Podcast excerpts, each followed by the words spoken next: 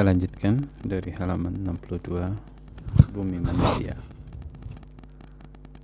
Hari semakin gelap. Mama semakin banyak bicara. Kami berdua hanya mendengarkan. Bagiku bukan saja aku menjadi semakin yakin pada kepatutan dan kekayaan Belandanya, juga terlalu banyak hal baru yang tak pernah ku ketahui dari guru-guruku keluar dari bibirnya. Mengagumkan. Walhasil aku tetap belum juga diperkenankan pulang. Dokar, katanya. Di belakang banyak dokar, andong. Kalau sinyo suka boleh juga pulang naik gerobak dorong. Seorang bujang lelaki mulai menyalakan lampu gas yang aku tak tahu di mana pusat tangkinya. Pelayan mulai menutup meja makan. Dua orang Robert disilahkan masuk ke ruang belakang. Maka makan malam dimulai dengan diam-diam. Seorang pelayan lain masuk ke ruang depan, menutup pintu. Lampu ruang belakang taram-temaram tertutup kap kaca putih susu. Tak seorang buka kata. Hanya mata berpendaran dari piring ke basi dari basi ke bakul. Bunyi sendok, garpu, dan pisau berdentingan menyentuh piring. Nyai mengangkat kepala. Memang ada terdengar pintu depan dibuka tanpa ketukan, tanpa pemberitahuan. Ku angkat pandang melihat pada Nyai. Matanya memancarkan kewaspadaan ke arah ruang depan. Robert melemah melirik ke arah yang sama. Matanya bersinar senang dan bibirnya memancarkan senyum puas. Ingin juga aku menengok ke belakang, ke arah pandang mereka tertuju. Kucegah keinginan itu, tidak sopan, tidak baik, bukan gentleman. Maka kulirik analis. Dalam tunduknya, bola matanya terangkat ke atas. Jelas kupingnya sedang ditajamkan. Sengaja aku berhenti menyuap dan mengarahkan pendengaran ke belakang. Terdengar langkah sepatu berjalan menyeret pada lantai. Makin lama makin jelas, makin dekat. Nyai berhenti makan. Robert Surhoff tak jadi menyuap. Ia letakkan sendok garpunya di atas piring. Yang terdengar olehku, langkah itu makin mendekat, mengalahkan bunyi ketak-ketik pendul. Robert melemah meneruskan makannya seperti tiada terjadi sesuatu. Akhirnya analis yang duduk di sampingku menengok ke belakang juga. Ia menggeragap kaget. Sendoknya jatuh terpelanting di lantai. Aku berusaha memungutnya. Pelayan datang berlarian dan mengambilkan. Kemudian cepat-cepat menghindar meninggalkan ruang meninggalkan ruangan entah ke mana. Gadis itu berdiri seperti hendak menghadapi si pendatang yang semakin mendekat. Kuletakkan sendok dan garpu di atas Piring mengikuti contoh analis. Berdiri memunggungi meja makan. Nyai juga berdiri bersiaga. Bayang-bayang pendatang itu disemprotkan oleh lampu ruang depan. Makin lama makin panjang. Langkah sepatu yang terseret semakin jelas. Kemudian muncul seorang lelaki Eropa, tinggi, besar, gendut, terlalu gendut. Pakaiannya kusut dan rambutnya kacau. Entang, entahlah, memang putih, entahlah uban. Ia melihat ke arah kami, berhenti sebentar. Ayahmu, bisikku pada analis. Ya, hampir tak terdengar. Tanpa mengubah arah pandang, Tuan melemah berjalan menyeret sepatu langsung menuju padaku. Padaku seorang. Ia berhenti di hadapanku. Alisnya tebal, tidak begitu putih, dan wajahnya beku seperti batu kapur. Sekilas pandangku jatuh pada sepatunya yang berdebu, tanpa tali. Kemudian teringat olehku pada ajaran guruku, pandanglah mata orang yang mengajakmu bicara. Buru-buru aku angkat lagi pandangku dan beruluk tabik. Selamat petang, Tuan Melemah dalam Belanda dan dengan nada yang cukup sopan.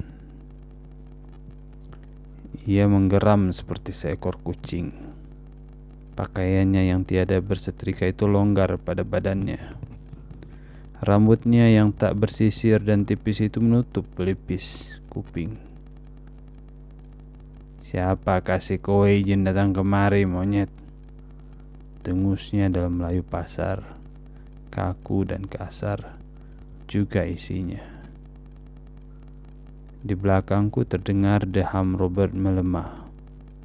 Kemudian terdengar olehku analis menarik nafas sedan. Robert Surhoff menggeserkan sepatu dan memberi tabik juga. Tapi raksasa di hadapanku itu tidak menggubris. Aku akui badanku gemetar walau hanya sedikit.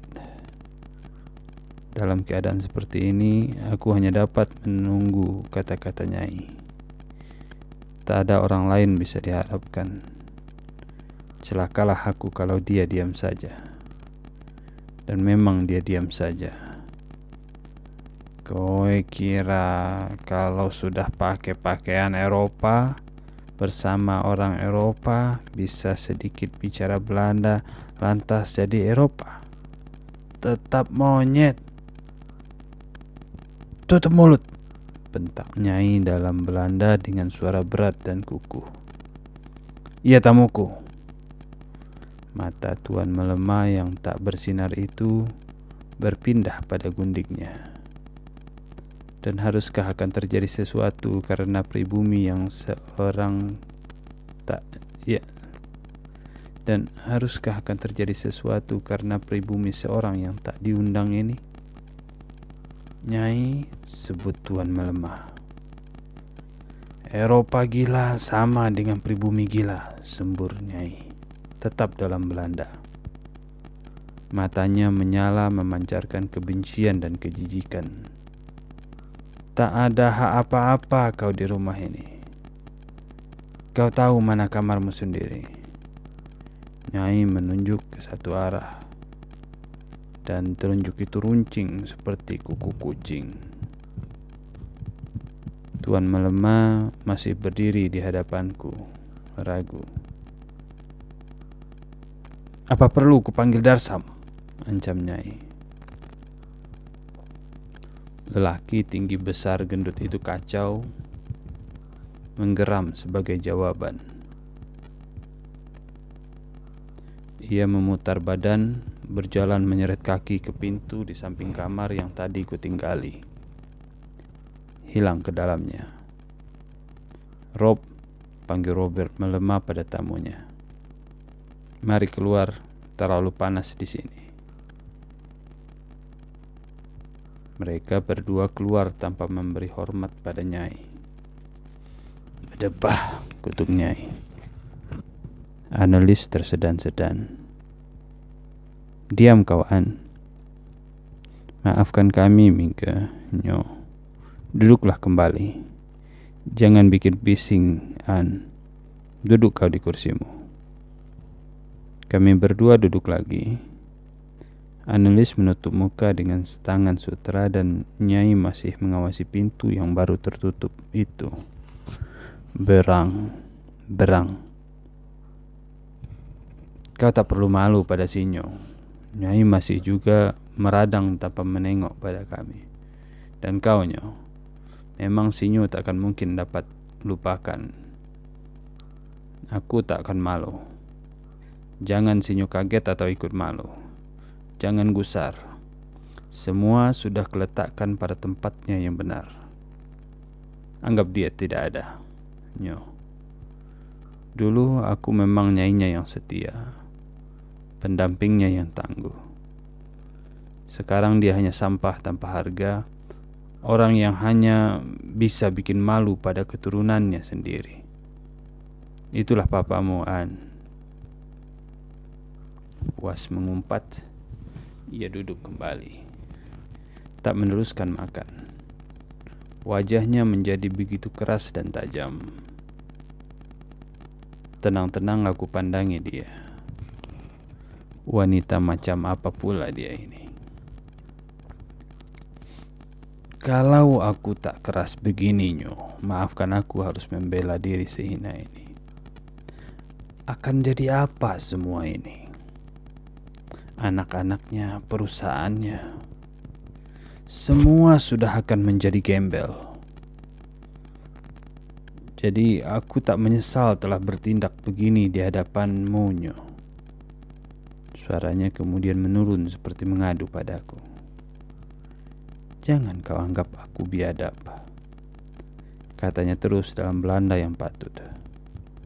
Semua untuk kebaikan dia sendiri. Dia telah kuperlakukan sebagaimana dia kehendaki. Itu yang dia kehendaki memang. Orang-orang Eropa sendiri yang mengajar aku berbuat begini. Mika. Orang-orang Eropa sendiri. Suaranya minta kepercayaanku tidak disekolahkan di dalam kehidupan ini. Aku diam saja. Setiap patah dari kata-katanya kupakukan dalam ingatanku. Tidak disekolahkan di dalam kehidupan. Jangan anggap biadab. Orang Eropa sendiri yang mengajar begini. Sekarang Nyai berdiri, berjalan lambat-lambat ke arah jendela. Dari balik tabir pintu, ia tarik seutas tambang lawe yang berujung pada segumpal jumbai-jumbai. Dari kejauhan terdengar sayup bunyi giring-giring. Muncullah kembali pelayan wanita yang tadi telah kabur. Nyai memerintahkan mengundurkan makanan. Aku masih tetap tak tahu apa yang harus kukerjakan. Pulanglah kau nyoh, katanya sambil berpaling padaku. Ya mama, lebih baik aku pulang. Ia berjalan menghampiri aku. Matanya kembali jadi lembut sebagai seorang ibu. An, katanya lebih lunak lagi. Biar tamumu pulang dulu. Seka air matamu itu. Aku pulang dulu, An. Senang sekali aku di sini, kataku. Sayang sekali, Nyo. Sayang sekali suasana sebaik itu jadi rusak begini. Nyai menyesali. Maafkan kami, Mingke, bisik analis tersendat-sendat. Tak apaan. Kalau liburan nanti berpekansi kau di sini saja, Nyo. Jangan ragu. Tak akan terjadi apa-apa. Bagaimana? Setuju? Sekarang Sinyo pulang. Biar Darsam antarkan dengan dokar. Ia berjalan lagi ke jendela dan menarik tambang tadi. Kemudian ia duduk di tempatnya. Dalam pada itu aku masih mengherani hebatnya Nyai seorang ini. Manusia dan lingkungan memang berada dalam genggamannya. Juga aku sendiri. Lulusan sekolah apa dia maka nampak begitu terpelajar, cerdas, dan dapat melayani beberapa orang sekaligus dengan sikap yang berbeda-beda. Dan kalau dia pernah lulus suatu sekolah, bagaimana mungkin bisa menerima keadaan sebagai nyai-nyai? Tak dapat aku temukan kunci untuk mengetahui. Seorang lelaki Madura datang ia tak dapat dikatakan muda. Tinggi lebih kurang 1 meter 60. Umur mendekati 40. Berbaju dan bercelana serba hitam juga destar pada kepalanya. Sebilah parang pendek terselit pada pinggang. Kumisnya bapang, hitam, kelam, dan tebal. Nyai memberinya perintah dalam Madura Aku tak mengerti betul artinya. kira-kira saja memerintahkan mengantarkan aku dengan dokar sampai selamat di rumah. Darsam berdiri tegak. Tanpa bicara, ia pandangi aku dengan mata menyelidik seperti hendak menghafalkan wajahku tanpa berkedip. Tuan muda ini tamuku, tamu noni analis, kata Nyai dalam Jawa. Antarkan, jangan terjadi apa-apa di jalanan. Hati-hati. Rupa-rupanya hanya terjemahan dari Madura sebelumnya. Darsa mengangkat tangan tanpa bicara kemudian pergi. Sinyumika, Nyai merajuk. Analis tak punya teman. Dia senang Sinyo datang kemari. Kau memang tak punya banyak waktu, itu aku tahu. Biar begitu usahakan sering datang kemari. Tak perlu khawatir pada Tuhan melemah. Itu urusanku. Kalau Sinyo suka, kami akan senang kalau Sinyo mau tinggal di sini. Sinyo mau Sinyo bisa diantar dengan Bendi setiap hari pulang balik. Itu kalau Sinyo suka. Rumah dan keluarga aneh dan seram ini. Pantas orang menganggapnya angker dan aku menjawab, Biar ku pikir-pikir dulu, Mama. Terima kasih atas undangan pemurah itu. Jangan tidak, Mingke. Analis merajuk. Ya, Nyo, pikirlah. Kalau tidak ada keberatan, biar semua nanti diurus oleh analis. Kan begitu, An? Analis melemah mengangguk mengiyakan. Kereta itu telah terdengar melewati berjalan ke ruang depan. Mendapatkan Robert melemah yang sedang duduk diam-diam memandangi kegelapan luar. Kereta berhenti di depan ru tangga rumah. Aku dan Surhoff turun dari tangga naik ke kereta. Selamat malam semua. Terima kasih banyak. Mama, An, Rob, kataku dan kereta mulai bergerak. Berhenti dulu, perintah mama. Kereta berhenti. Sinyo Mingke, coba turun dulu. Seperti seorang sahaya, aku sudah tergenggam dalam tangannya. Tanpa berpikir apa pun, aku turun menghampiri anak tangga. Nyai turun satu jenjang, juga analis berkata perlahan pada kupingku. Analis bilang pada Kunyo, jangan gusar. Benarkah itu kau telah menciumnya?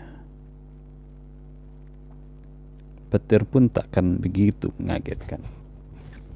Kegelisahan merambat-rambat ke seluruh tubuh sampai pada kaki, dan kaki pun jadi salah tingkah.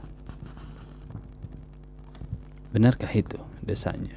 Melihat aku tak dapat menjawab, ia tarik analis dan didekatkan padaku.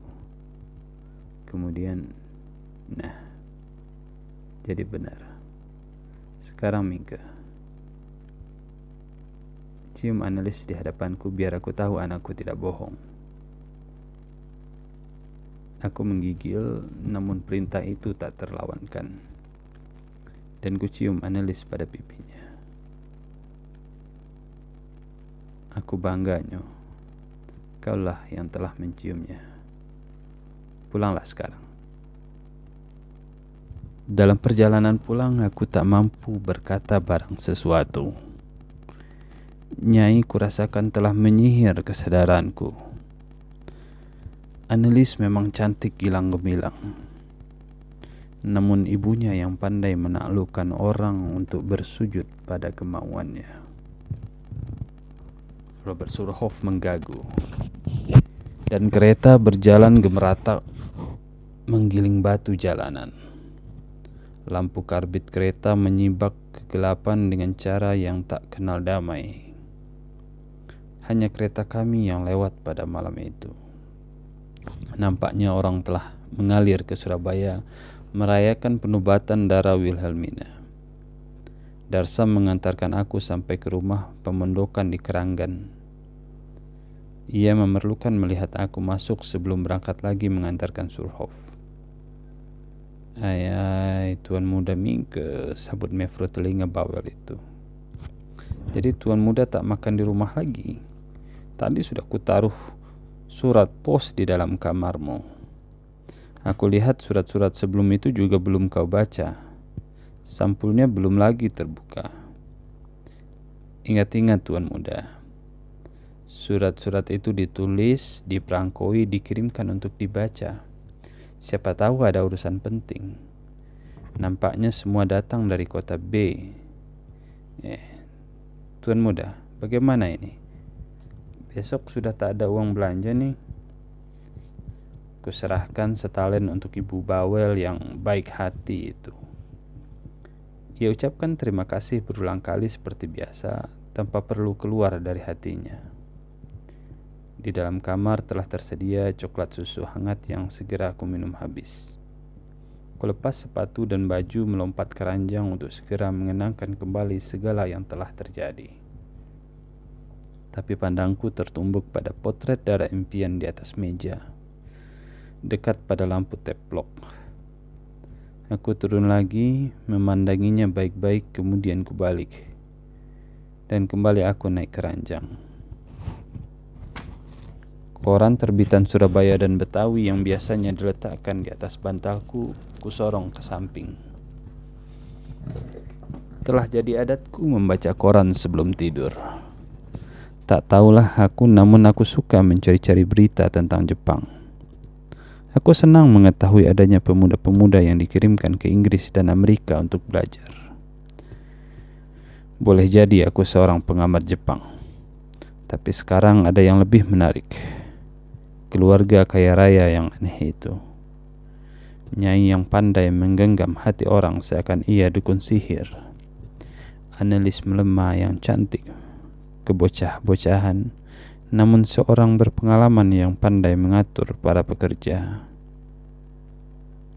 Robert melemah dengan dirikannya yang tajam, tak peduli segala-gala kecuali sepak bola, bahkan juga tidak pada ibunya sendiri.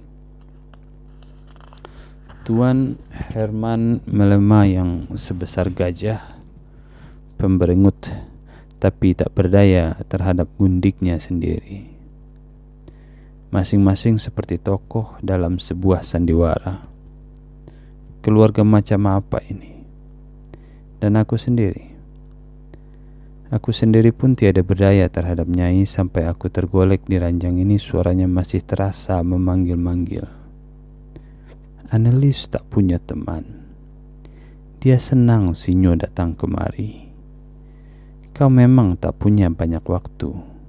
Biar begitu usahakan sering datang kemari. Kami akan senang sekali kalau Sinyo tinggal di sini. Rasanya belum lama aku tertidur. Satu keributan terjadi di luar rumah. Kunyalakan lampu minyak dalam kamarku jam 5 pagi.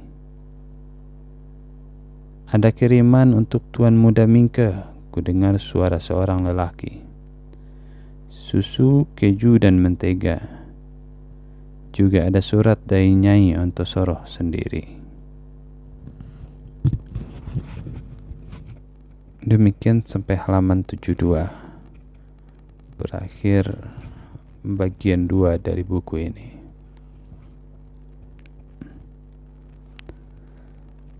Kita putus di sini untuk kita sambung pada bagian tiga.